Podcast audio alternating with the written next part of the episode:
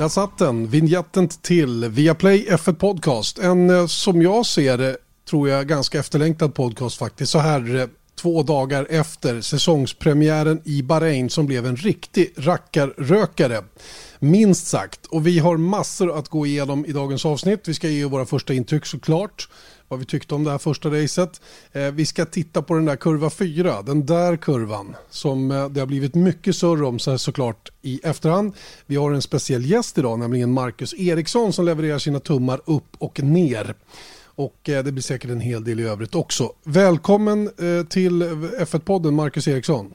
Ja men tack tack. Och Erik Stenborg, laddad som aldrig förr. Mm, det måste jag säga faktiskt. Det känns väldigt kul att vara igång och inte så här äh, torrprata. Vi har ett race att snacka ner. Exakt så är det. Och ehm, ja, vi, vi börjar väl i den ändan. Det är väl ingen idé att hålla på och rundtugga runt det. Ehm, de första intrycken är man ju naturligtvis, de blir ju alltid lite speciella så här när vi, när vi drar igång en ny säsong. Är det inte så, Erik?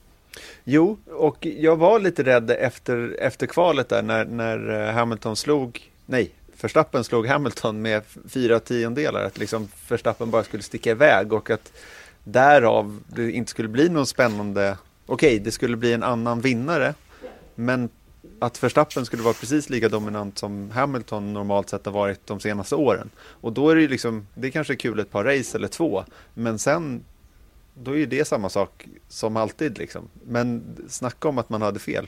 Och jag hade inte behövt oroa mig direkt på, på det viset. Nej, det hade du inte behövt göra. Eh, eh, hade du samma känsla Marcus eller hade du liksom en annan, en annan ingång i det? Nej, men jag, jag kände väl egentligen ända från testerna att jag inte riktigt eh, trodde att Merca kanske var så ehm, eh, vad ska man säga, dålig inom situationstecken där, som de visade. Och, eh, även på träningen kändes det som att de ändå var med i matchen, även om Red Bull kanske var starkare. Då, så, Eh, jag hoppades och trodde väl att det skulle bli en fight, men, eh, men det blev ju ja, bättre än man kunde ana hur, hur, liksom, hur racet utvecklades och allting. Så det var väldigt, väldigt roligt. Det, det, som förvånade lite grann var ju, eh, med tanke på fartskillnaden som var över ett varv då, nästan fyra tiondelar ändå mellan Max Verstappen och, och Lewis Hamilton. I efterhand har vi fått höra då att, att Mercedes nu helt plötsligt inte har en av sina hörnstenar som de är starkast på, nämligen ERSen, det här med deployment, hur de kan ladda upp snabbt och, och kunna släppa lös den här extra energin då och ha tillräckligt mycket kraft i förbränningsmotorn då för att inte slösa bort all den här extra energin då, så att den räcker över hela varvet. Nu verkar ju Honda vara bättre på det. Eh, och när vi då kommer till racet så ser man ju då att man tänker då precis som Erik att nu sticker Verstappen och skaffar den där Lewis Hamilton-luckan så att säga. Men den, den kom aldrig. Han, han, han kom aldrig loss och det var ju det som avgjorde racet som jag ser det. Marcus? Ja, men det var ju det. Och framförallt där i början på racet såklart när, när eh, Lewis lyckades följa eh, Max så pass nära så att det gjorde ju att, eh, att, eh, att Mesha kunde välja när de tog in Lewis för det där första stoppet och sätta press på, på Red Bull. Um, så det var ju absolut nyckeln, att, att de kunde hålla det tempot. För annars som du säger, hade, hade Max dragit ut och legat åtta sekunder före Lewis efter tio varv, då hade ju Red Bull haft racet i, i en liten ask. Men, men så blev det ju inte fallet. Är inte det nästan, jag måste bara säga apropå det där att, att Verstappen aldrig kom loss. Och jag tänker liksom att om en bil kan hålla sig så pass nära som man gjorde, eh, alltså Hamilton kunde hålla sig så pass nära Verstappen som man gjorde, inom två sekunder i praktiken hela tiden. Betyder det nästan att Mercedes-bilen är snabbare? Att den kunde liksom hänga på på det sättet?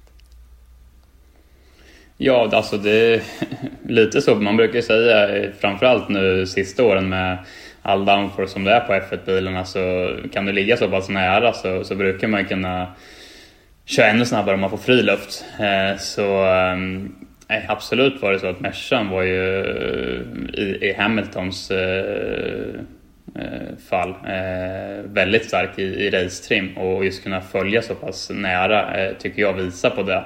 Eh, och det fick vi också se sen på slutet att även när Verstappen hade mycket fräschare däck och så vidare så var det ju inte så att han eh, blåste förbi eh, Mercan utan det var ju eh, tufft för honom att både ta sig kapp och köra, köra om. Då.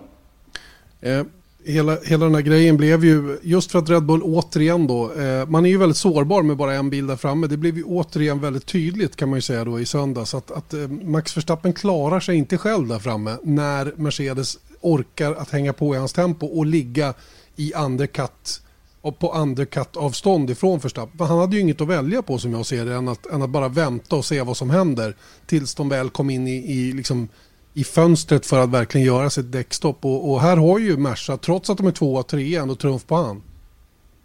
Jo men absolut och äh, återigen där så visar det ju hur viktigt det är för Red Bull att få, få den där andra föraren som kan vara med och äh, ja, vara där precis i, i den fighten för att äh, se till att de kan vinna ett sånt här. Så hade de haft Perez som på, på fjärde plats och lägga precis vid, Bottas och Hamilton i den fighten så hade det ju eh, kunnat se väldigt annorlunda ut. Eh, och eh, det är väl det som återigen visar att, att, eh, att Red Bull kanske gjorde rätt och att de eh, ersatte Albon inför i år för att försöka hitta den här föraren som kan vara på den nivån. Eh, nu hade ju Perez kanske inte den bästa premiärhelgen eh, med lite misslyckat kval, eh, men jag tycker han visar i racet att han just har den här Eh, racecraften och farten eh, som krävs för att verkligen kunna utmana på, på racedagen som är så himla viktigt och det är de man letar efter.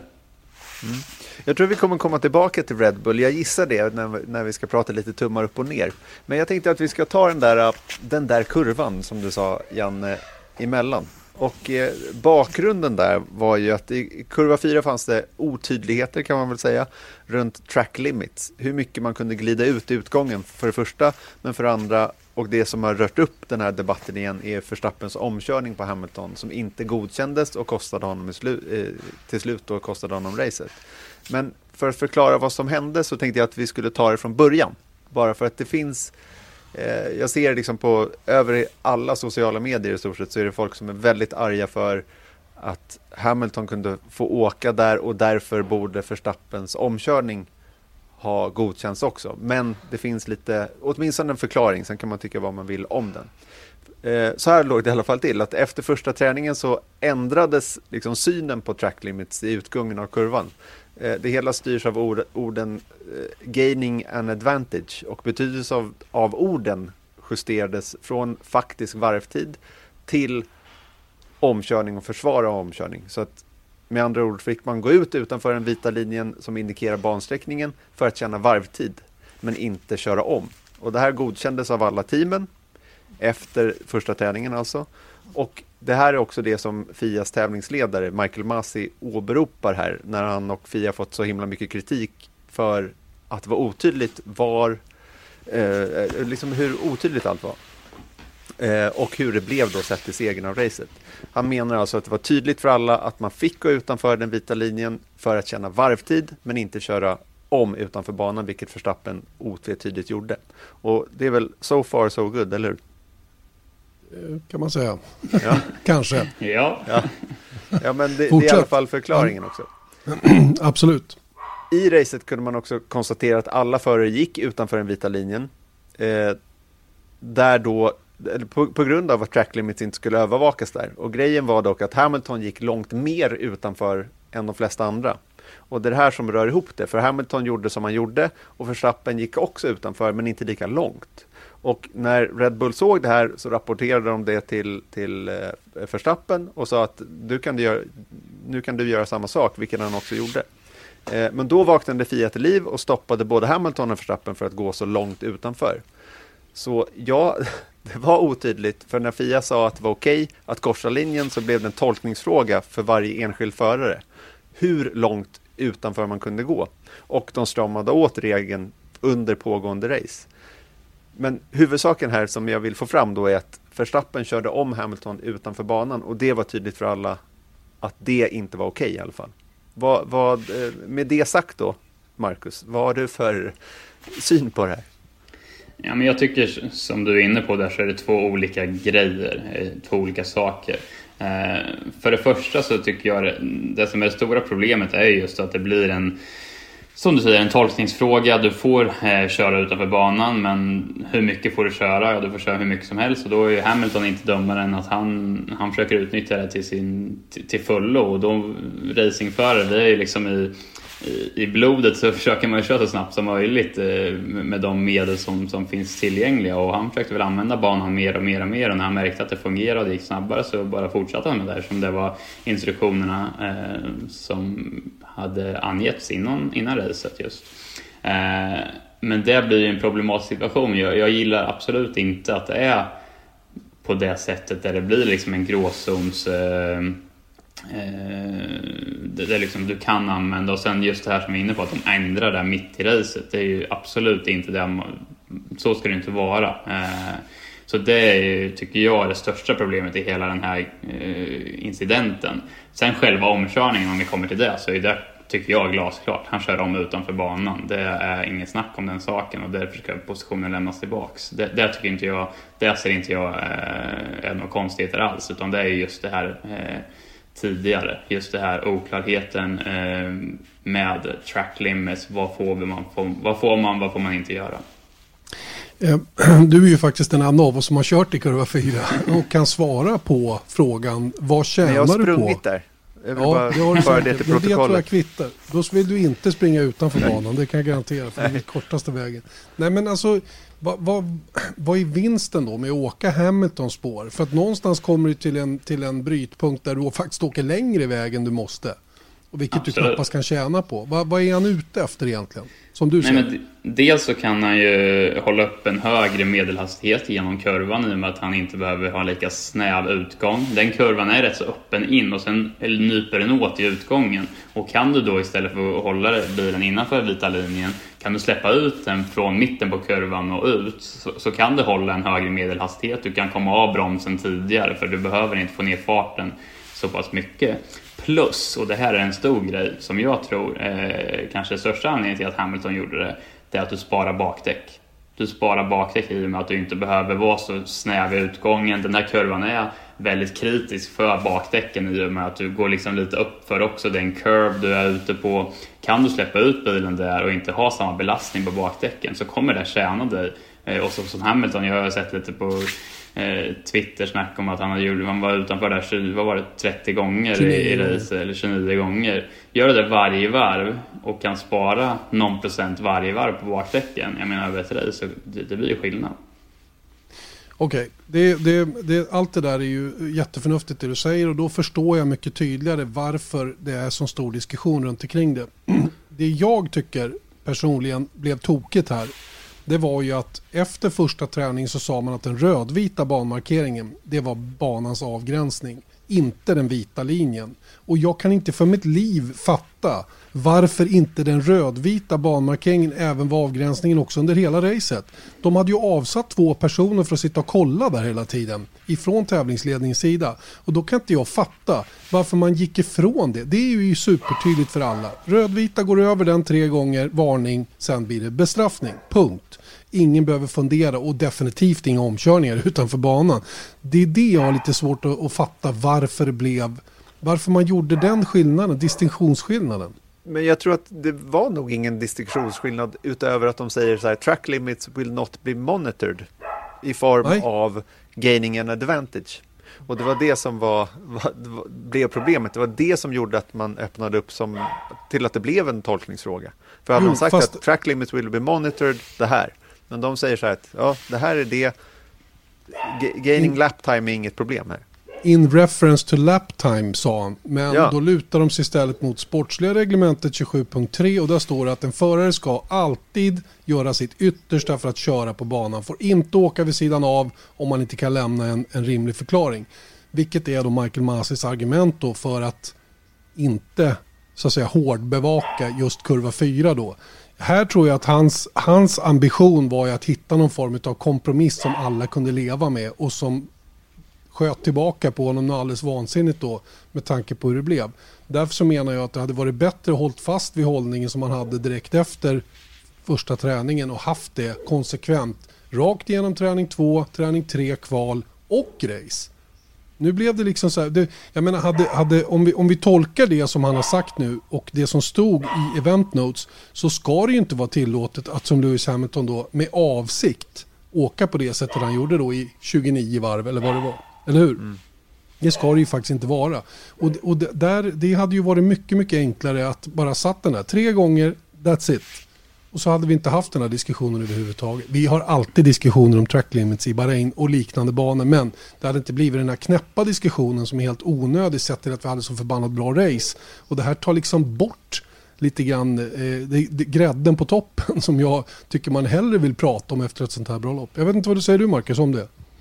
Nej men jag håller helt med och jag tycker som du, som du är inne på det att det måste vara en tydlig linje från start av helg till ja, genom hela helgen. Eh, och då blir det tydligt för förarna också. Då kan du förbereda, du kan köra på ett visst sätt genom hela helgen. Du vet hur bilen beter dig, du vet ja, vad förutsättningarna är. Det är det som är den stora problematiken i hela den här situationen. Att det är någonting som ändras under helgens gång och faktiskt under racets gång. Och det är det som blir otydligt och fel eh, på, på överhuvudtaget. Så Eh, nej, jag håller helt med dig där. De, de, de borde ha satt den, den regeln som de gjorde på träningarna och hållit fast vid den hela vägen igenom och då hade det blivit mycket tydligare för, för alla inblandade.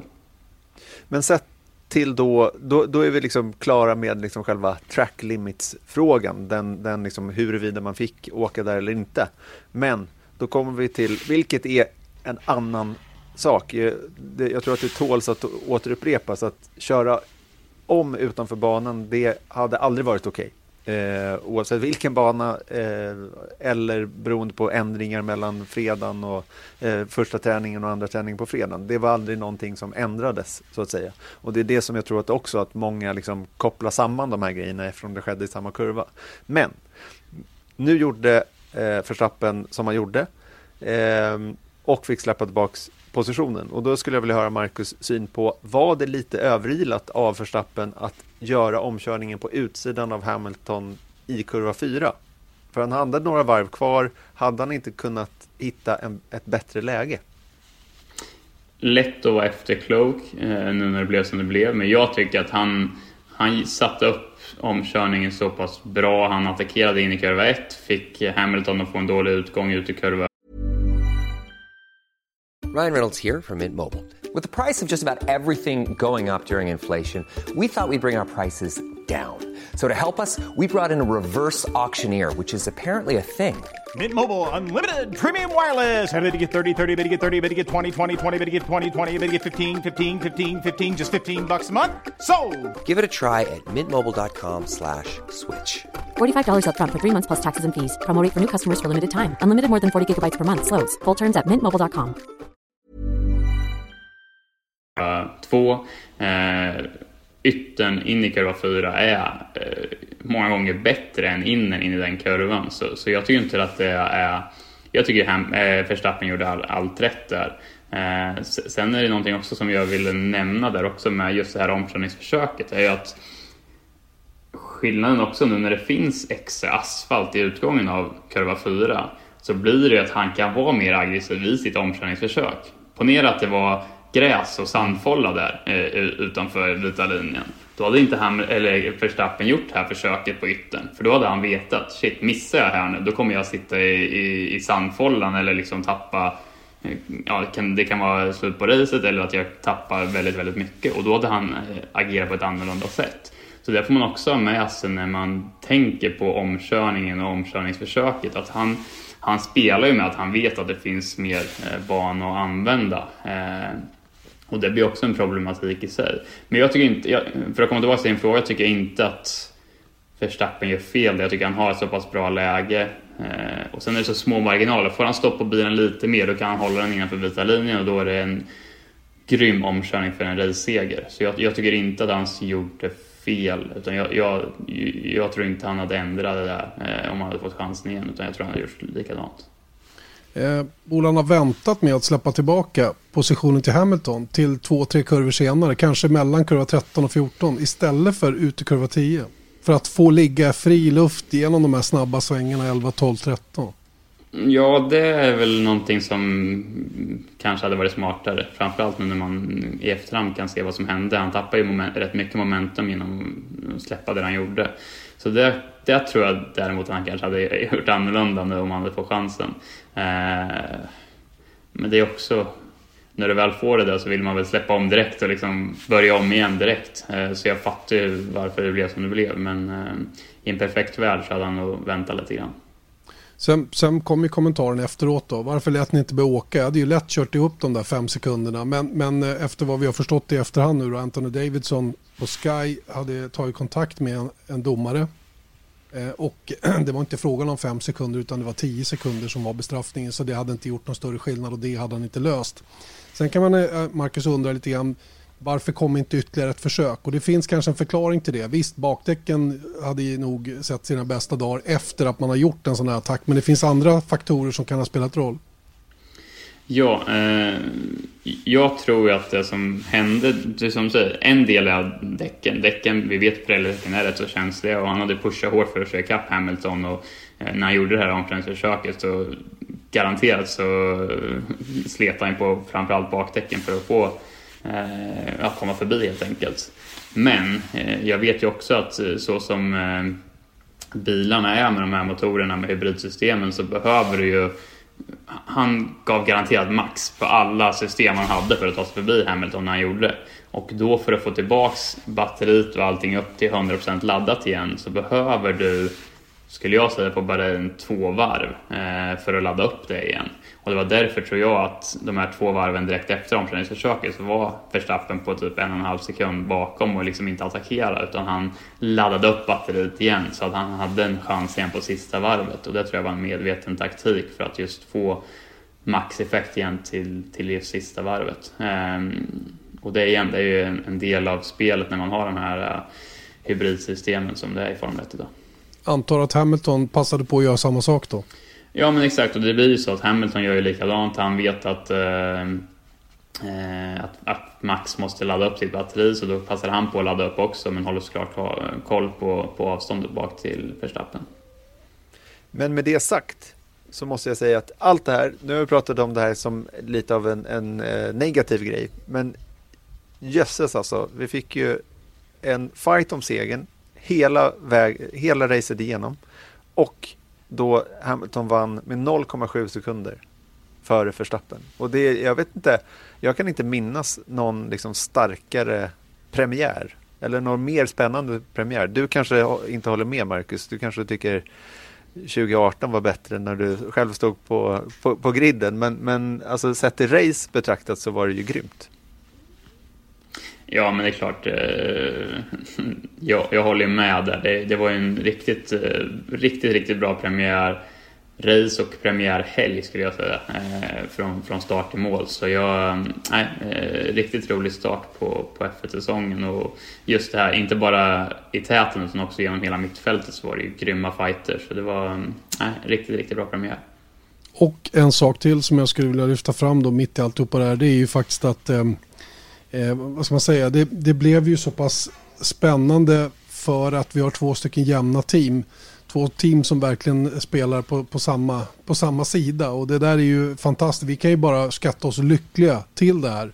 Att vi, får, att vi får vara med om det här. För förhoppningsvis kommer det ju se ut så här under året i och med att det inte är så stora möjligheter att göra några jätteförändringar ändå trots allt med allt som händer. Eh, ja, det, var, det är en intressant diskussion där med Verstappen. Och det intressanta också är ju att det är ju ingen större kontrovers bland förarna. Det är ganska lugnt surret efteråt mellan Verstappen och här. Alltså, eller hur? Det är ju mera alla på läktaren, vi, inklusive fansen som är förbannade över alltihopa det här. Förarna tar det här ändå med hygglig ro ändå måste jag säga. Håller ni med? Erik? Ja, absolut. Jag tycker det var till och med, liksom, vilket vi kommer att höra snart, eh, en intervju med Verstappen då, så är ju han eh, otroligt lugn. Alltså förvånande lugn skulle jag till och med säga.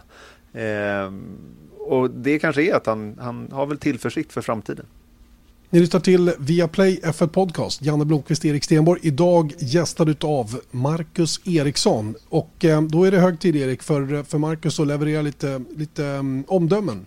Ja, det är inte våra tummar den här veckan så det, det skyll på Marcus om han har gjort fel vill jag bara poängtera. Och eh, jag lämnar över ordet till dig Marcus. Vilken är din första tumme? All right. Spänningen stiger. Eh, nej, men min första tumme blir ändå Mercedes och Hamilton. Det var Va? ju tråkig första tumme. eh, och då vill jag motivera det med, eller ska vi, ja, ska vi dra stats först där på Mercedes och Hamilton? Eh, eller ska jag motivera min tumme först? Får ni, alltså, ni, jag, jag är ni tror... som styr det här. Ja, låt oss dra igenom statsen nu när, nu när jag har nämnt ja. dem i alla fall. Det var alltså 300 segern för en brittisk förare och Hamiltons egna 75 seger för Mercedes. Han har nu även varit i ledningen i flest varv i historien. 5126 varv i ledningen. Det är ganska, det är okej. Okay. Eh, och Mercedes har varit i ledning i VM-tabellerna hela tiden sedan Tysklands Grand Prix 2018. Och det som jag tycker är lite kul också är att det är ingen ovanlig syn och, och det, det, tänker jag också på, på, om man skulle bara titta på det här racet, ja, hur gick det i Bahrain då? Utan att ha sett racet. Så ser man att ja, men Hamilton, Verstappen och Bottas var på podiet. Och det är fjortonde gången de delar podiet. Lika många gånger som Hamilton, Rosberg och Vettel delade podiet. Men eh, det var inte hela historien helt enkelt. Verkligen och, inte. Ja, och till sist då så var det även den fjortonde gången som Hamilton vinner ett lopp med Verstappen som tvåa. Men, men eh, motivera gärna Marcus, varför, eh, ja. liksom, plocka ut varför det här var så speciellt bra för Mercedes och Hamilton. Ja, men anledningen till att jag tycker att det var speciellt bra var att för första gången på väldigt länge, visst det har hänt några fåtal gånger genom åren, sista åren, men, men annars så har det ju varit i stort sett varje gång har ju Mercedes haft den bästa bilen. Hamilton har haft den bästa liksom, bilen till sitt förfogande och då är det en sak att, att vinna. Men i, i helgen så var det ju faktiskt så att Red Bull hade fart, eh, hade ju mer fart än Mercedes. De hade pole position, eh, Verstappen ledde racet från starten och ändå så lyckas Mercedes och Hamilton slå eh, Red Bull och Verstappen på strategi, på eh, racecraft eh, och alla de här bitarna. Och det tycker jag var imponerande för det visar ändå att de ja, de, de var bättre i racet än, än Red Bull och slog en snabbare bil. Eh, och därför tycker jag att eh, jag tycker det var imponerande och så tycker jag också att Hamilton visade varför han är, vad är han, sjufaldig världsmästare. Den där sista stinten när han vet att eh, Max kommer, han gör inga misstag, han, han, han liksom kör allt på, på gränsen av vad, vad som går och, och tar den där segern med Eh, med, han, med, med Verstappen flåsandes i nacken. Jag tycker det var imponerande att se eh, av som sagt både Mercedes och Hamilton. Eh, ja, Erik? Eh, nej, men jag har bara en liten reflektion där när, när, och jag håller med allt du säger Marcus, men det som är, är lite lustigt är ju att nu jag tycker liksom tidigare år när Red Bull har lyckats vinna över Mercedes så har det liksom hyllats som en liksom som någonting helt sjukt att de, att de lyckades göra det. Och nu var det liksom Mercedes som, och, och Mercedes har fått en del kritik genom året när de har bommat. Att det varit så här, ah, men, oh, de, de, så fort Mercedes blir utmanade så, så pallar de inte för trycket. Nu var det precis tvärtom egentligen. Att Mercedes verkligen slogs i underläge och lyckades ändå. Och det, det tycker jag också var kanske det mest spännande i allt det här. Ska vi lyssna till en eh, hyfsat lättad och nöjd, framförallt nöjd, Lewis Hamilton efter racet i söndags? Oh, I'm so happy. I really, really am absolutely over the moon just to see the, the response from the team. Knowing how difficult today really was, it was so tough. For the first race, was not, um, I was not expecting that we'd be in that position, be able to keep up with them in the first stint and stuff. So I, I was really grateful for it we stopped so early, um, quite shorter than our, our planned strategy. So even with the strategy lap that I would have stopped, that was already going to be difficult to keep him behind. But he went so much longer and had much fresher tires. So I, I, um, I knew that I was. And then they said like he's going to catch you with 10 laps to go, and I was thinking, I don't know how I'm going to do this, but you know we knew this weekend and through testing that we were going to be on the back foot, and there's been a lot of worry I think in the team, but we pulled it through. Did you just you felt you had it when he was chasing you? I know that because I know you didn't come in, into this weekend knowing you had a car to beat them, but you must. Have. When he was chasing me, no, no. I mean, I knew he was catching me massively. I couldn't do the laps that he was looking, he was doing, and I guess in my mind I was thinking, okay, if I can just hold on to these tires, make no mistakes, maybe I can just keep him at, at arm's length um, out of my DRS, which wasn't necessarily the case. Ja, Lewis Hamilton är såklart nöjd och glad. Eh, och precis som du var inne på när det gäller bakdäcken där, om man åker det där spåret som man valde, valde att använda då, att spara däcken var ju väldigt centralt för att klara av den här attacken då bakifrån, ifrån just eh, Max Verstappen. Och det leder in oss på nästa tumme upp va? Det gör det och då väljer jag att sätta tumme upp på Honda och Verstappen. Eh, det ska väl Red Bull ska väl också ha delvis en tumme upp för att de har byggt en väldigt bra bil. Men jag tycker det som imponerar på mig är dels Honda-motorn. Jag tycker de, eh, som de har varit inne på, har tagit sjukt stora steg och verkligen är på en, en, en, nivå som jag trodde att de inte skulle kunna vara på. Eh, Eh, inte minst med Red Bull men också med Alfa Tauri som de visade i helgen. Eh, och sen så är ju Verstappen grymt bra i helgen. Eh, jag menar kvalvarvet som han sätter ihop när det gäller som mest och sen racet, tar starten, leder racet och ja, han gör ju mycket rätt även om han inte får den där segern. Han kan inte göra så mycket mer i alla fall som jag ser det. Ja, han hade kunnat kört ifrån Lewis Hamilton under första stinten för det är ju enda gången de är tillsammans med exakt samma förutsättningar där i inledningen. Han hade behövt göra den där luckan upp till en 7-8 sekunder. Då hade han vunnit det här racet. Men han lyckades inte med det och det är väl den enda lilla plumpen eller måste jag säga då. Att de inte hade mer fart. Ja men exakt, det var väl det som, om man kollar tillbaka nu på racet så var det ju det som hade behövts. Han hade behövt öppna en lucka på kanske fem sekunder på Hamilton på den där första stinten för då hade de kunnat svara på, på på Mercedes undercut där och liksom hållit, eh, hållit ledningen. Nu hade de ju inte den luckan och då blev det ju att Mercedes kunde vara aggressiva och eh, få över kontrollen av racet. Så, så det är väl någonting som han och teamet säkert ser tillbaks på och försöker fundera på hur de ska göra till nästa gång. Eh, men som sagt om man kollar överlag över helgen så tycker jag Verstappen ändå gör eh, ja, grymt bra insats. Och, sättet han liksom attackerar på slutet också tycker jag som sagt han gör alla rätt även om han inte får den där segern i slutändan. Jag är nyfiken på en sak eh, och du som har varit i situationen då. I det här fallet då, Max Verstappens plan var ju naturligtvis att ha det här luckan då så att han inte riskerade en undercut från Mercedes. De märkte ju ganska snabbt att de inte kom till det läget, eller hur? Det måste de ju ha gjort. Eh, hur mycket är man som förare involverad i den diskussionen? För det sitter ju 50 personer i övrigt och håller koll på vilket som är det bästa de bästa taktiska dispositionerna. Eh, men här måste det ändå ha varit en del, det surr fram och tillbaka. Där. Vad, kan, vad kan du göra? Kan du höja tempo? Vad, vad, vad, är liksom, vad är möjligt att fixa till här? Jo men absolut, där är man involverad som förare och han vet ju tydligt också vad planen är. Man har ju olika planer inför ett race, plan A, B och C.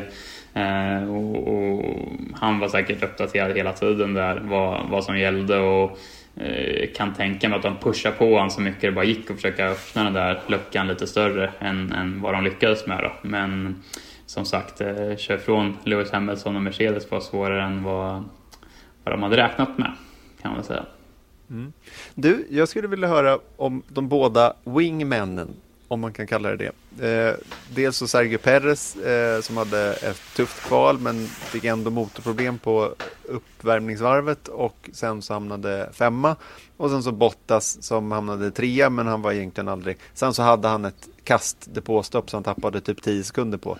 Så det ska man ju ta med i backningen men han var ju aldrig... Liksom, ingen av dem egentligen un, tidigare under helgen heller var riktigt där. Känns det som. I varje fall inte på deras, Hamiltons och Verstappens nivå. Hur, hur, tänker du runt det? Nej men det är ju bara att hålla med. Eh, Bottas var ju de här några tiondelar efter Hamilton som man oftast är och, och det räcker ju till när eh, Merca-bilen är en halv sekund före resten för då kommer han två och, och då har ju Hamilton sin eh, beskyddare där som ligger bakom i racet. Nu, nu var ju Red Bull för, för snabbare och då Eh, lyckas ju inte Bottas riktigt slå sig in i den där fighten. Eh, så det blir intressant att följa nu under året om, om Bottas kan, kan höja sig lite och, och, och verkligen slåss med, med, med Hamilton och Verstappen. Eh, jag är väl tveksam till att han, att han kan det. Eh, sen ska det bli, bli väldigt spännande att se vad just Perez kan göra. Jag tycker ju att Perez är en av de absolut bästa racerserna på, på griden och det har han ju visat åtskilliga gånger i Eh, Force India och Racing Point eh, genom åren. Och eh, jag tycker även i, i helgen nu som var så det, det, är helt tydligt att han hade problem att få den där bilen att gå snabbt över ett varv. Eh, men när vi kom till racet sen, han hade sina problem i början, eh, men sen kör han ju riktigt, riktigt bra, tar sig igenom fältet på ett väldigt effektivt och bra sätt och blir ändå femma till slut. Jag tror, hade Albon suttit i den bilen så tror jag inte han hade tagit sig upp till femma efter den där problematiska starten, utan jag tror att Perez är en riktigt, riktigt bra eh, raceförare som Red Bull kommer att ha mycket nytta av eh, genom säsongen. Och, och jag menar, kan Perez kvala topp fyra så kommer han kunna hota Hamilton och Verstappen i race med sin racecraft. Det är jag ja, övertygad kanske är starkt ord, men jag tror att han kommer kunna göra det. Mm. Han kommer att bli en jobbig, en jobbig person för Mercedes att hantera om han hamnar i det läget. Eh, men som du var inne på Erik, Max Verstappen verkar ändå inte alltför deprimerad över, över hur det blev i söndags. Eh, framförallt tycker jag han har en ganska mogen inställning och, och, när man lyssnar till honom också efteråt så, så märker man ungefär samma sak. Of course I'm, I'm disappointed about today, but last year we would be super happy with a race like this, so it also shows how much we have grown and I think uh, it's, a, it's still a positive start to the season, and uh, it's still a long season ahead. So I see it as uh, only seven points dropped, and uh, we'll, we'll try to do better next time. And are you quite excited by the prospect of a proper championship battle? Because that looks like what we've got our hand, on our hands. Well, we'll try. We'll see how competitive we are in Imola, but will, uh, we'll definitely try again. Max Verstappen är intervjuad av Lawrence Barretto hos Formel 1 och eh, som sagt väldigt sådär uh, filosofisk efterhand och inte alls superbesviken som man kunde ha varit kanske för två år sedan. Då hade han väl varit eh, helt vansinnigt arg och låter sånt blockera honom på något sätt. Han verkar släppt det där helt enkelt. Hörrni, vi, vi fortsätter då i rask takt med eh, din första tumme ner Marcus. Ah, har du sådana? Yes, sådana har jag också eh, eh förberedda. Och eh, ja, min första tumme ner blir Aston Martin och framförallt eh, kanske Sebastian Vettel. Eh, om vi börjar med Aston Martin så hade jag eh, förväntat mig betydligt mer. Jag menar, de har ju satsat stenhårt. Eh, Lawrence Troll har kommit in där och verkligen gett dem ekonomiska resurser. Och jag tycker förra året så var ju de Eh, Eh, väldigt starka. Eh, och eh, det är helt klart en besvikelse vart de står eh, efter första helgen, efter testerna som inte var något bra och sen hade de en, en dålig första helg. Stroll tar en poäng där med en tionde plats. Eh, två sekunder före Kimi Räikkönen i Alfa Romeo. Jag, jag, jag, tror inte att... Eller det är klart att det inte var där de hade räknat med att de skulle vara så pass svaga. Så, så det tycker jag är en, en stor besvikelse. Eh, och sen om man kollar på Sebastian Vettel så hade ju han en katastrofhelg egentligen från start till mål. Eh, det, det kom, jag, jag, och jag fortfarande kan inte få ihop det, hur han kan ha sådana problem och vara så... Eh, ah, göra sådana misstag och inte ha fart, inte få till... Alltså det är en fyrfaldig världsmästare vi snackar om och det är inte så att han är 50 år gammal heller utan han, han, borde ju kunna vara på en helt annan nivå eh, och, och, jag får inte ihop det hur han kan ha sådana problem och, och, leverera så dåligt som han gjorde förra året i Ferrari och som det verkar som, eh, ja det har inte börjat så mycket bättre om man säger så i 2021. Nej, det, det är faktiskt eh, otroligt för det, man har ju liksom upprepat det där nästan som ett mantra liksom att han, en, Sebastian Vettel har absolut inte glömt bort hur man kör en Formel 1-bil. Men det, alltså, jag kände också så i, i söndags att det känns nästan som han har det. Jag tänker liksom på sammanstötningen med Ocon. Eh, liksom, kvalet var ju vad det var lite så med gulflaggor men sen så fick han bestraffning då för att inte, alltså det, det, är bara så, det är så himla mycket som händer runt honom som är negativt hela tiden. Och det känns ju så här, det kanske är lätt att tänka så, men att det här skulle vara en ny start och han är motiverad och liksom, och så blir han slagen av Stroll, kommer 15 man i mål, liksom, och helt off, helt off. Mm. Men jag tycker man har sett också liksom på, på intervjuer och allting, han verkar inte ha någon glöd, han verkar inte, jag vet inte, det, det, det bara känns som att han Tycker han verkligen det är kul fortfarande? Alltså, jag vet inte. Det, det är jättesvårt att se. Och, och sen, jag håller med kvalet. Han hade jätteotur där med gulflaggen och allting. Men om vi ska vara helt ärliga. Hur snabb såg han ut tidigare under helgen? Hur snabb såg han ut i kvalet innan han fick den där gulflaggan på sista försöket? Visst, jag förstår också. Jag har varit i samma sits. Man, man, man kan bli helt eh, förstörd av gulflagg på fel ställe i ett kval. Och nu blev det ju så för Petter. men jag är inte så säker på att han har tagit sig vidare ändå, även utan gul. Just på grund av vad vi har sett innan just kvalet. Eh, och sen som, som du säger, racet är ju inte bra och sen liksom topp, pricken över i är ju den här kollektionen med Ocon som eh, ser otroligt klumpig ut plus att han direkt går på radion och, och beskyller Ocon ja. för det hela. Det är liksom, nej, nej jag, jag, jag är förundrad över eh, vad som händer där. Eh, jag tycker det är jätte, jättekonstigt. Eh, och jag hade hoppats också, man, man vill ju se den här gamla Fettel tillbaks också. Alltså som är grym och som är självförtroende och det är det man hade önskat se nu när han får den här nytändningen i Aston Martin. Men nej, mm. inte det, slock, det slocknade fort känns det som i alla fall. Vi, nu, vi, hallå, vi ska inte döda hela den här säsongen för dem ännu va, men Nej, men jag, jag har precis exakt samma känsla som du Marcus. Tycker han det här är kul verkligen?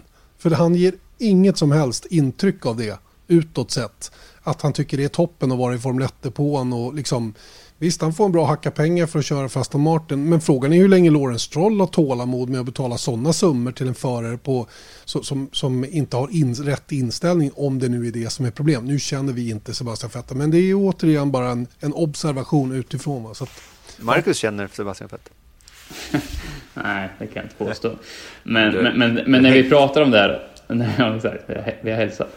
Eh, när vi pratar om det här också så, så, är det ju, det som han behöver är ju att ha en, han behöver ju en stor framgång. Alltså han behöver ju nu nästa race att han liksom får till ett bra kval, det, no, någonting faller rätt för han, han får en topp 5 i racet säger vi liksom, wow, alla, alla snackar fett eller på gång. Så han får den här eh, kicken. Eh, och då skulle han kanske kunna få sin säsong på gång. Liksom. Men det värsta är att jag, jag ser inga tendenser till att det kommer hända, tyvärr. Men eh, det är som du säger, det första racet. Det, det, det finns en del race att äh, vända på skutan, men ingen bra start. Du, jag, jag det, och jag försökte visa er, men det går ju inte. Eh, för jag åkte ut förbi en, eh, åkte förbi en Aston Martin Van, V8 Vantage utanför fönstret när, när vi pratade om för en sekund sedan. Så jag tar det som ett tecken åt något håll i alla fall. det kanske är är tecknet att, eh, att Vettel tar pallplats. Exakt, han är på gång. Han är på gång. Eller att han slutar, det vet man inte. men det är så sjukt tråkigt med en tummar ner, så nu tar vi en tumme upp, Marcus. Det gör vi. Och då, den här kanske är lite... Um, folk undrar vad jag uh, tänker. Men den här tummen uppen går i alla fall till Carlos Sainz. Som då blir slagen av sin teamkamrat både i kval och i race och ändå får en tumme upp. Det låter ju väldigt konstigt. Kontroversiellt. Men, ja, men lite så. Men uh, då vill jag motivera det uh, på det här sättet. Att jag dels vet hur bra Charles Leclerc är. Jag vet hur bra situation han har i Ferrari, hur mycket support han har där och eh, hur stark han är. Det har han ju inte minst visat mot Sebastian Vettel eh, under sista året eller två åren.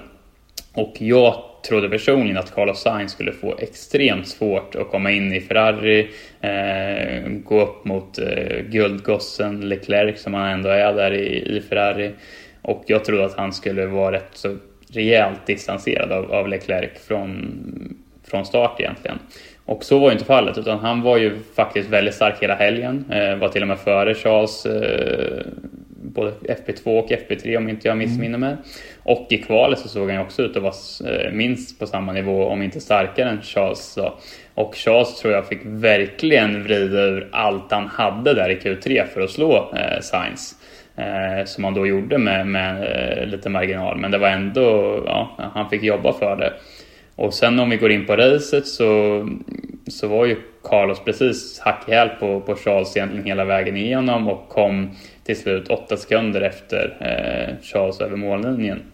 Så, så med allt det i beaktning så tycker jag att för mig så var han en, en, en överraskning i positiv bemärkelse just att han höll så jämna steg med, med Leclerc och eh, eh det tycker jag båda gott inför eh, resten av säsongen. Att, eh, att han redan i första racet med en och en halv testhöj bilen innan säsongstart kan vara på den nivån. Eh, så nej, jag, jag var lite imponerad över det.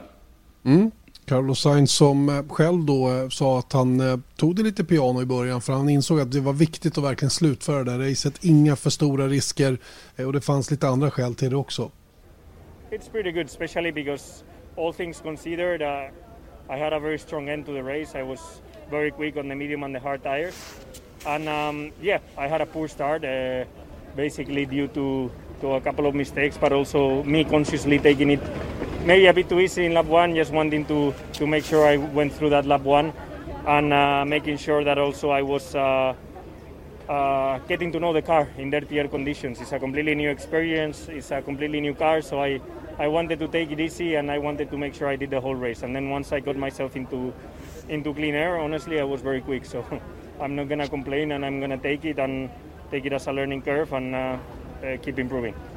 Mm, Carlos Sainz där alltså som eh, var lite med, med avsikt då, försiktig i början då, precis som han sa. Och här pekar han på en grej som, eh, som inte jag har hört så mycket om faktiskt. Jag, jag inser att det finns, men inte, det pratas inte så mycket om det. Men just det här hur bilen känns i Dirty Air. Och är det någon gång det är Dirty Air så är det under första varvet. Och det styr ju väldigt mycket hur hårt du vågar attackera in i kurvor eller i omkörningsförsök. Och vi kan ibland skratta åt enkla misstag just under ett första varv. Någon total missar en inbromsning. Så här. Kan du förklara lite grann hur, hur det känns när man dundrar iväg där 20 bilar samtidigt som virvlar igång luften på det här viset. Och det är verkligen dirty air.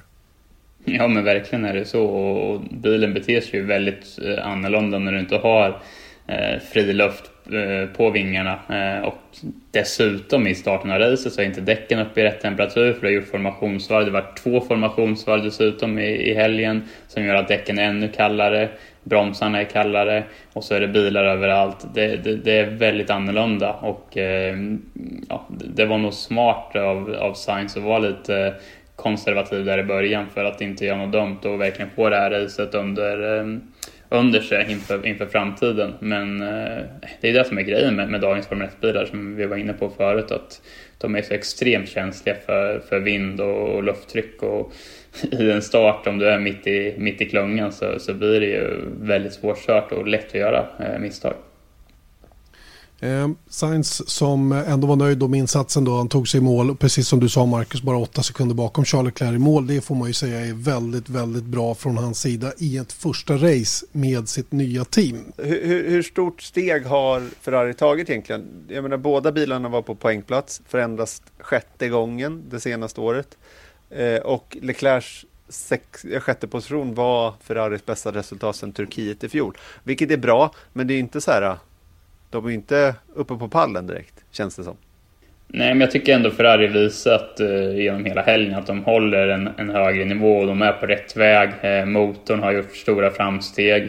Eh, och Leclerc levererade ju faktiskt både där i Q3 med ett grymt varv eh, och sen tycker jag han gör ett jäkligt stabilt eh, och bra race. Så eh, Ferrari är absolut på rätt väg. Eh, ska bli intressant att se hur de kan eh, utvecklas under året. Men eh, det är kul att se att eh, framförallt Ferrari-motorn är med i matchen igen. Även om den kanske inte är på Merca och Hondas nivå så är den i alla fall betydligt, betydligt bättre än vad den var i fjol. Vilket är ett måste också eftersom vi nu kommer att ha mer eller mindre en frysning av reglementet då från och med nästa säsong och framåt. Så att eh, det är som sagt oerhört viktigt att Ferrari är med nu och har någonting kanske mer i bakfickan och innan säsongen är över.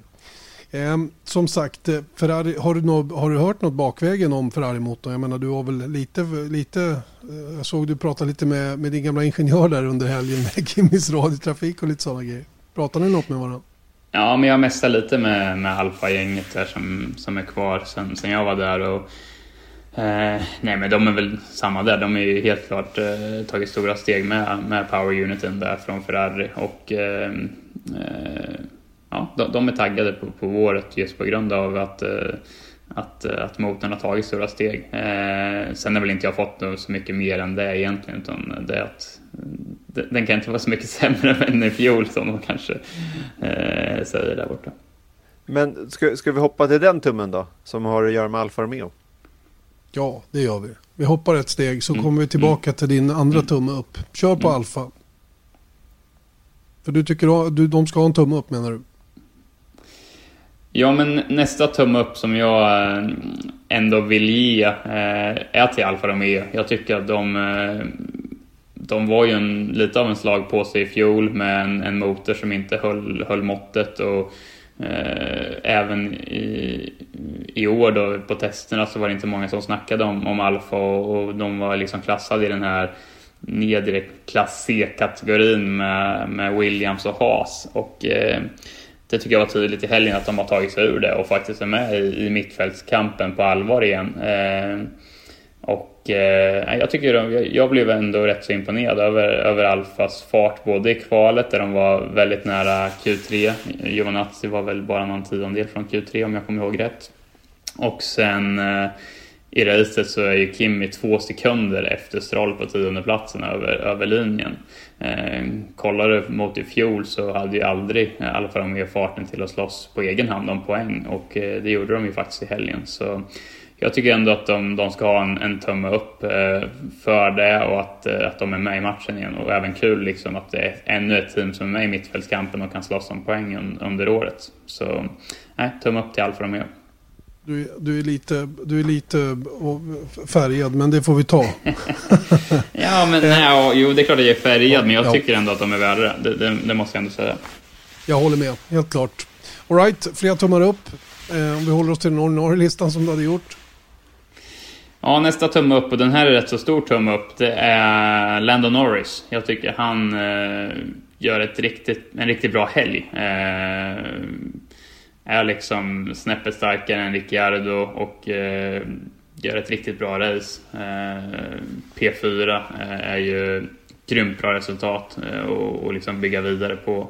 Och jag tycker han går från klarhet till klarhet. Eh, han är fortfarande väldigt ung men kör riktigt bra och smart. Han och Ricciardo hade ju en grym fight här på första varvet där han liksom gav varandra eh, precis så mycket rum som, som behövs, men inte så mycket mer. Eh, men eh, nej, han, han, han kör bra, han är smart och, och McLaren-bilen ser ju onekligen bra ut också. Då, så eh, en stor tumme upp till, till Lando, Lando Norris från, från mig. Och jag, jag, jag hänger kvar vid det här första varvet, för det grundlade allt skulle jag säga.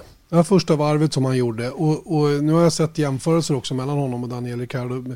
De gav, de gav varandra plats men det var hård fight om det och båda var lika bestämda om att vara främst utav dem. Men det var de där varven mot Ricardo och mot Charles Leclerc som avgjorde på något sätt. Nu försvann ju Pierre Gasly från den fighten genom att han körde på eh, Ricardos bakände vilket sabbade Ricardos golv som då McLaren idag har sagt att eh, det, det påverkade en hel del. Han tappade en väsentlig del downforce, bla bla.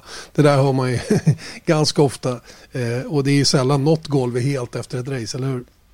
Ja, men lite så är det. Sen nu vet inte jag exakt hur mycket han tappar, men det är som säger oftast de här golven är så, så himla känsliga så oftast efter varje så är det lite skador på, på golven från, från diverse saker. Alltså. Men, men det var säkert en, en viss del han tappade. Men, men oavsett så tycker jag att som du säger, Norris gör ju Eh, alla rätter och, och grundlägger ju det genom att vara så pass eh, bra där på första varvet. Är han underskattad Lennon Norris? Ja, lite grann, men jag tycker ändå att han börjar bygga upp mer och mer eh, sin status och liksom ja, i depån får jag känslan av. Och eh, eh, igen, han är ju fortfarande väldigt ung, eh, men det ska bli kul att följa han eh, framöver. Alltså om jag ställer en annan fråga, är Ricardo lite överskattad? Eh, det tycker jag inte, för jag tycker att han i fjol eh, var eh, grymt bra i, i Renault och verkligen slog och kom eh, tydligt och satte han på plats. Och jag tycker också att han kommer in nu i McLaren med väldigt lite tid i bilen mot en Landon Norris som ändå är väldigt inkörd i det teamet med den bilen och ändå är på minst lika bra nivå som som Lando. Och eh, visst, han, han förlorade fighten i helgen, men det var inte med mycket. Och jag tror att eh, ge Ricciardo några race till så kommer han vara en riktigt tuff fight för, för Norris. Jag tror de två kommer pusha varandra framåt faktiskt. Så jag tror att eh, eh, McLaren kan man väl säga har en riktigt bra föruppställning i, i mina ögon. Mm. Det är alldeles för trevligt här inne tycker jag nu, så nu måste vi gå på en nedåttumme och, och eh, vara lite elaka. Ja, men det låter bra. Då, eh, då kommer man, eh, eller kommer jag in på att Haas eh, är en stor tumme neråt.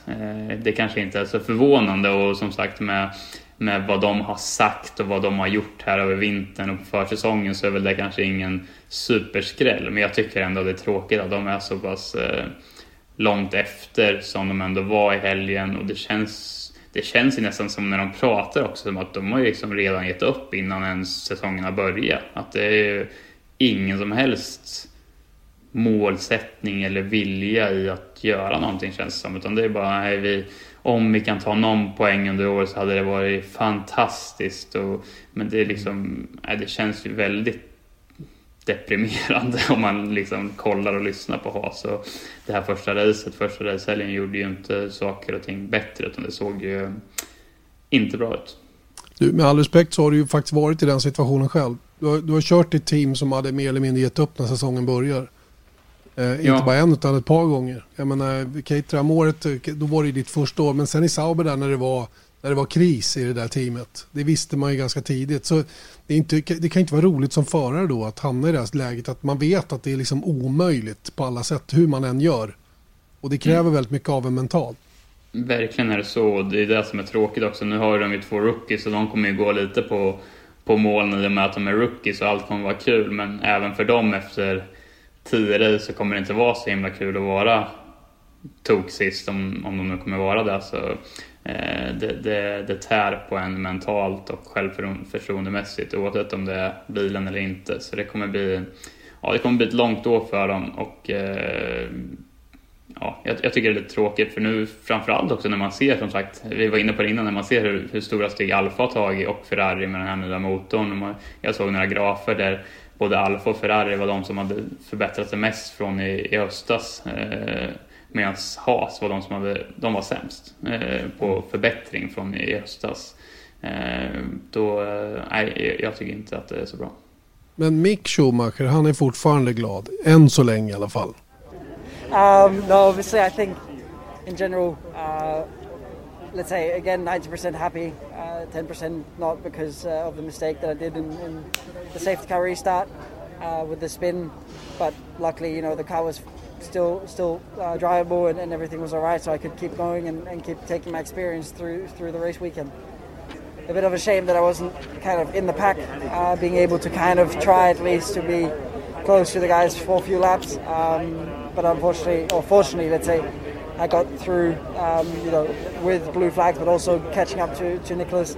I was able to kind of get a feel for how it is to follow a car close, uh, and with the RS and everything. So in all, I felt like I've learned a lot, um, and I'm able to kind of convert that hopefully into uh, into something positive for for next uh, for the for in two weeks. Det är ju mycket möjligt att jag läser in alldeles för mycket i den här uh, eh, Schumacher då, men han är så otroligt glad och lycklig över att köra Formel 1 och jag, det var ju liksom lite debatt runt när man förstod att Schumacher var på väg in i Formel 1 så var det så här, ja, han ska till Alfa. Det var ju liksom gut reaction hos mig och bland många andra också tror jag. Men sen så hamnade han i HAS och då tyckte man att det var lite så här, men det är lite konstigt. Men jag undrar nästan om det är så här med den här vetskapen om att Haas inte skulle ens utnyttja sina tokens från ett år till ett annat. Det är ganska bra om man tänker sig en långsiktig plan för, för Mick i Formel 1 så är det nog ganska bra att säga, men sätt det där, slå Mazepin, var helt off radar och sen så plockar vi det någon annanstans om du inte gör bort dig någonstans. Så det, jag tänker liksom bara på läroår för en Mick Schumacher som de flesta vill ska lyckas någonstans. Så eh, sitter han kanske i en ganska bra position ändå. Vad tror ni? Ja, alltså jag, jag hör vad du säger och jag, jag, kan köpa det till viss del. Att han, han är liksom inte så stor press när han är där bak utan han kan ju bara se och lära och, och få mil i kroppen och så vidare. Eh, men på något sätt också som förare så du utvecklas så mycket mer när du är i en bil där du fightas med andra, där du eh, slåss som poängpositioner och du får köra hjul i hjul. Liksom. Det var ju, jag vet jag körde, det var väl nästan två år jag körde där utan att fightas med någon. Man var ju Sen helt plötsligt hade du en bra bil. Det var ju så ringrostig i liksom jul mot jul-kampen. Alltså man visste ju knappt vad man höll på med. Så, eh, jag tror det finns lite positivt med det, men jag tror i slutändan så hade ju han ändå mått bättre som Formel 1-förare av att vara i en konkurrenskraftigare material. Det, det, det, tror jag absolut. Men absolut, han, han kan kosta på sig ett, ett läroår i, i en dålig has längst bak i kön. Men jag tror inte det är bra om man är kvar i ett sånt material flera år framöver för då kommer han tappa.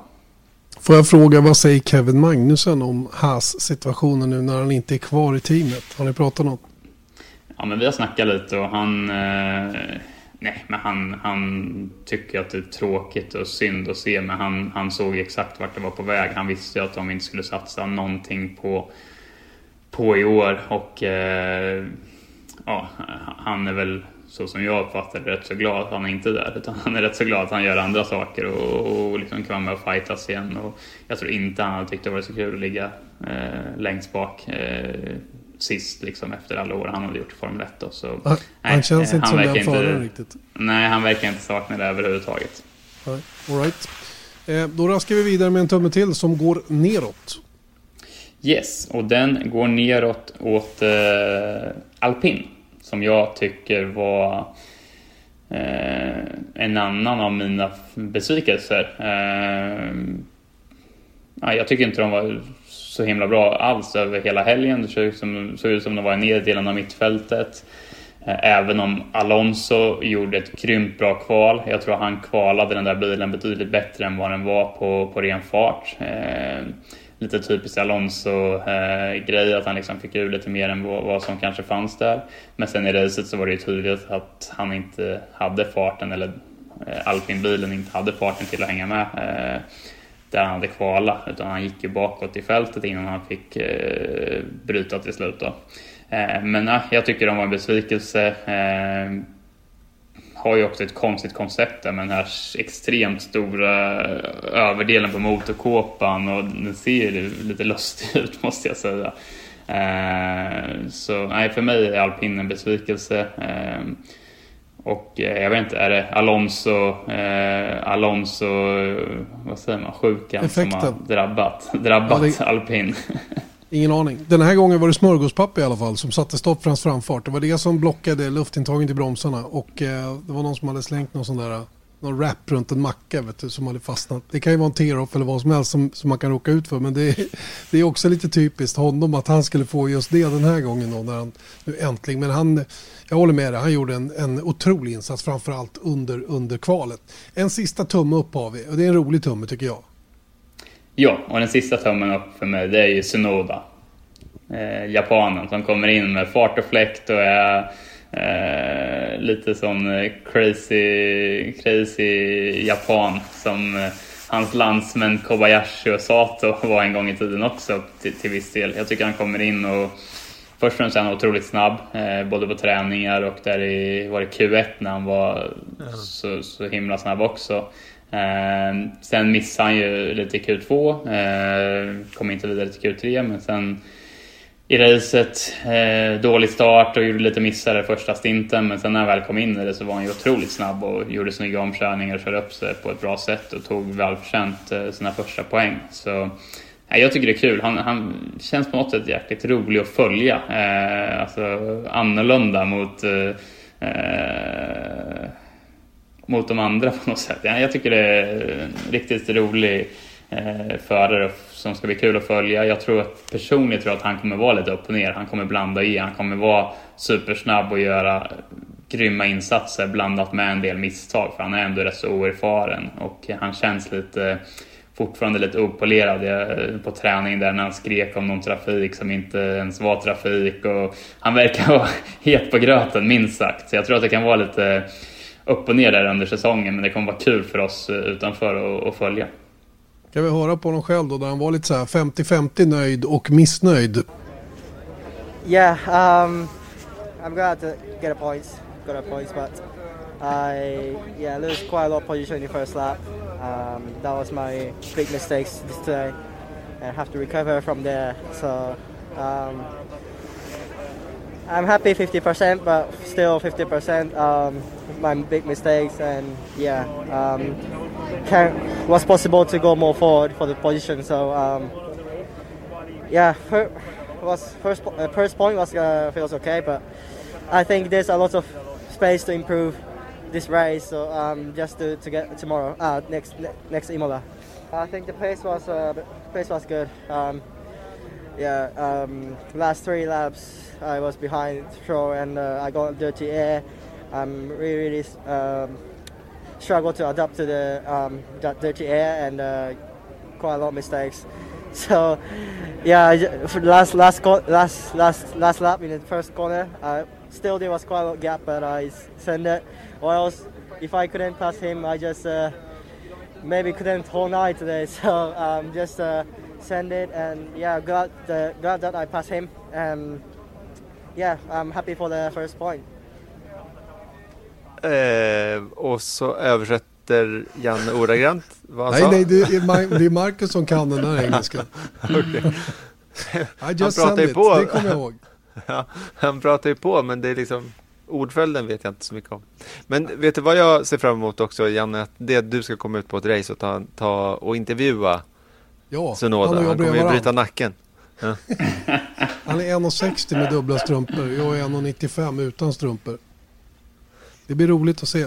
Mm.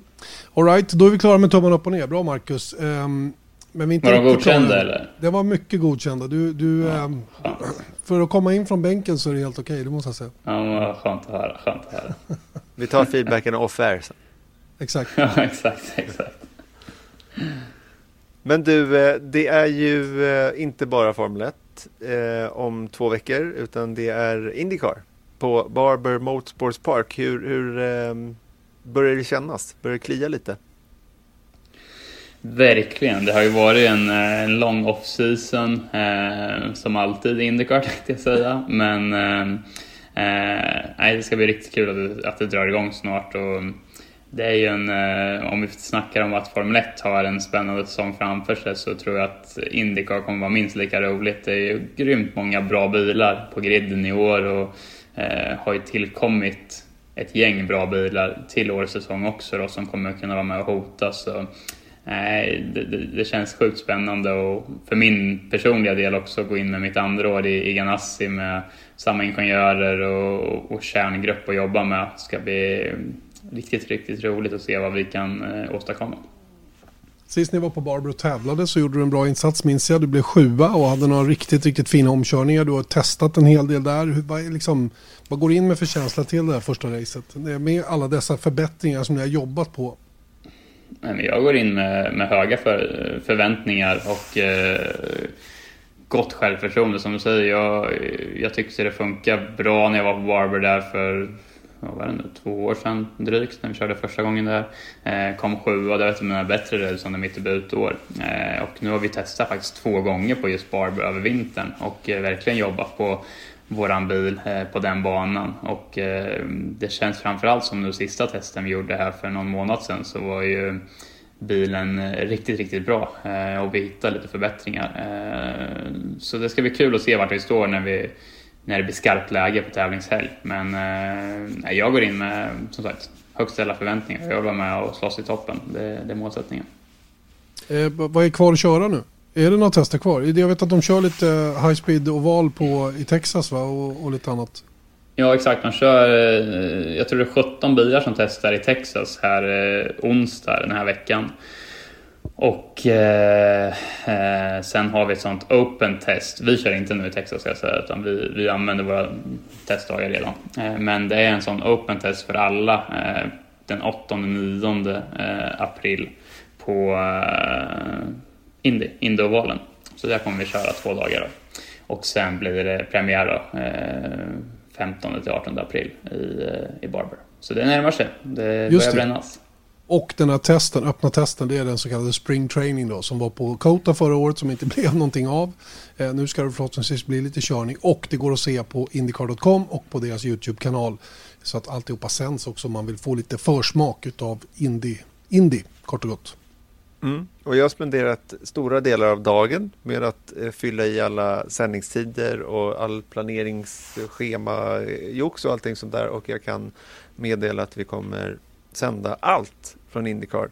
I, eh, i minsta fall på Viaplay, men redan eh, de första fyra, fem helgerna kommer allting gå linjärt också på, på vanlig tv. Alltså träning, kval och race. Ja, så ni kan få träning också? Ja, det är ju kanon. Eller hur? Det är någon som tycker det är Bra kul att kolla på jobbat. Indycar. Ja. Eh, hörni, det får, det får vara vårt eh, omslagspapper för den här fantastiska eh, poddmackan som vi har eh, gjort färdigt nu. Och eh, vi tar och rundar av kort och gott. Eh, händelserikt första race i Formel 1, minst sagt. Tyvärr då är det ju nästan tre veckor då innan vi kör nästa gång. Samma helg då som Marcus kör premiär på Barber så är det alltså Imola det här namnet som är sju mil långt som jag inte ens orkar börja. De kör på Imola kort och gott Formel 1 nästa gång. Det är bara så. Eh, så att det, det, får, eh, det får vi nöja oss med och vi är tillbaka med en podd eh, närmast om en vecka igen. Tills dess, ha det nu fantastiskt bra och tack Marcus för att du var med. Tack själva.